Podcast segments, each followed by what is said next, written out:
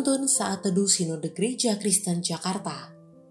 Rabu 26 Januari 2022 Judul Renungan Tinggal dalam Tuhan. Diambil dari Nats Yohanes 15 ayat 4 sampai 5 Tinggallah di dalam aku dan aku di dalam kamu. Sama seperti ranting tidak dapat berbuah dari dirinya sendiri kalau ia tidak tinggal pada pokok anggur demikian juga kamu tidak berbuah, jikalau kamu tidak tinggal di dalam aku. Akulah pokok anggur, dan kamulah ranting-rantingnya. Barang siapa tinggal di dalam aku, dan aku di dalam dia, ia berbuah banyak, sebab di luar aku kamu tidak dapat berbuat apa-apa. Menurut Anda, apa yang akan terjadi kepada seekor ikan yang penasaran dengan dunia di daratan?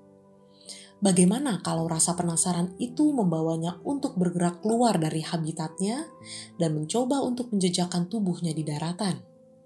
Tidak butuh waktu lama untuk menjawabnya, karena semua orang tahu ikan itu hanya akan mati. Hanya di dalam air, ikan itu dapat hidup dan berkembang. Ia tidak tercipta untuk hidup di luar air.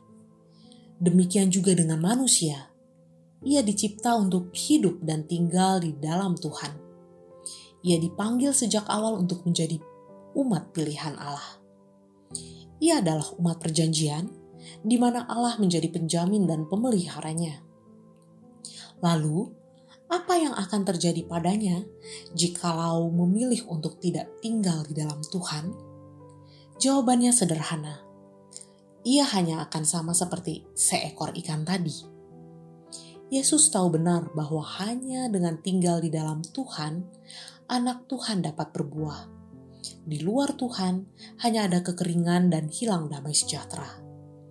Ketika kita berpikir bahwa harta kekayaan atau manusia dapat menjamin hidup kita, maka belajarlah dari pengalaman waktu lalu ketika COVID-19 merajalela di dalam negeri. Kehidupan setiap orang hanya tergantung pada belas kasih Tuhan. Bagaimana cara kita terus tinggal di dalam Tuhan? Pertama, kita harus selalu sadar bahwa kehidupan kita hari ini adalah anugerah Tuhan.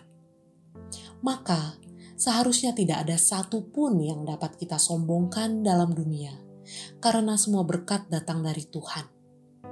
Kedua, kita harus selalu sadar untuk meluangkan waktu secara khusus untuk membaca firman dan berdoa kepada Tuhan sesibuk apa pun, ingatlah bahwa Tuhan harus diprioritaskan.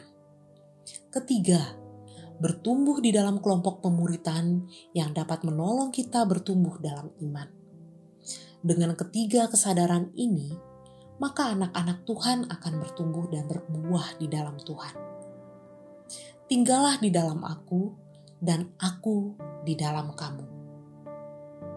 Tuhan Yesus memberkati kita.